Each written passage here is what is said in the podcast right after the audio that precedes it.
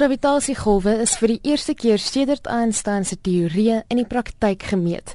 Brink sê dit kon nie vroeër getoets word nie omdat die effek van die golwe te klein is. Toe het LIGO wat 'n vreeslik akkurate masjien is, dit vir die eerste keer of laas September gesien.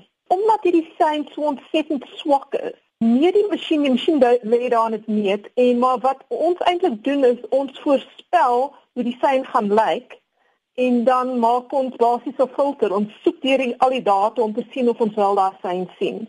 Die model wat die syne die beste pas, is die van twee gravitasiekolke, oftewel black holes, wat teen mekaar inspiraal en dan bots. Om die sein te maak wat hulle wel gesien het, moet ons gravitasiekolke gebruik wie se massa amper 30 keer die massa van die son is. Hulle gee 'n unieke sein uit en dit was die naaste een aan een wat wel gemeet is. Sy het 5 jaar lank onder die hoof van die navorsing Kip Thorne in Amerika gewerk. En dit was 'n fees om daar te werk. Ek het gewerk op juist die voorspelling van watter syne ons sal sien en dit was ons het altyd ons het so van geglo ons sal dit sien maar soos die eerste keer as jy enigiets ontdek was jy nooit seker nie.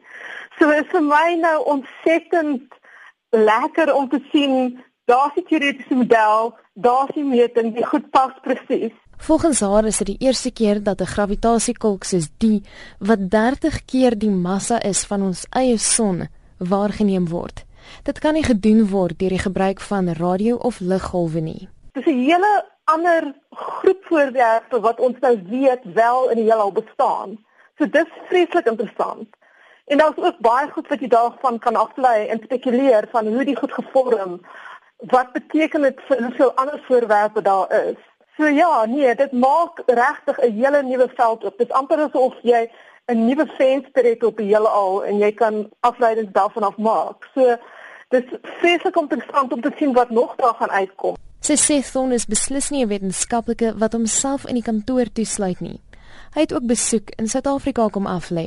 Dit is gaaf om hier te hê en sy self die goed wat hom interesseer is baie wyd. Ek meen ek weet nie of jy weet dat hy ook verantwoordelik is vir hierdie fliek Interstellar wat skiet is oor hierdie die gravitasiekolk wat die mense soort van naby naby toe reis en die planete daarom.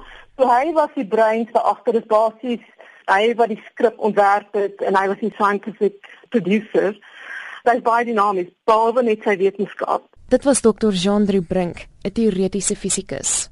Ek is Marlene Verschiefer, SABC nuus.